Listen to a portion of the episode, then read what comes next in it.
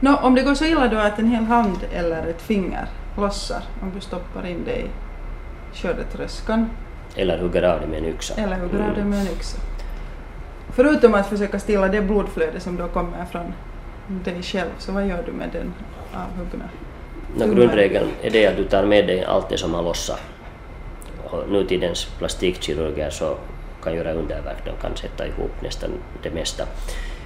Enda är det att, att det som man tar tillvara, alltså om, om man nu råkar hugga tummen av sig eller ett finger av sig så, så tar man hand om den här biten och sätter den i en torr plastpåse och försöker hålla den kallt. Men inte direkt på is. Inte på is, men gärna i isvatten, det vill säga kallt. Om du, om du har vad heter det, möjlighet att sätta det i ett kärl med vatten och isbitar i och en tät påse, alltså den får inte simma den här lossnade delen direkt i vätska utan den ska hållas torr men kyligt, men den får inte frysa. Och så tar man med sig det här när man åker in. Hur, hur lång tid har man på sig sen att sy fast den? Eh, När det gäller de här extremiteterna, det gäller fingrar, till och med händer eller, eller delar av dem, så, så har man flera timmar på sig. Och där och då lönar det sig i så fall att om det är fråga om en...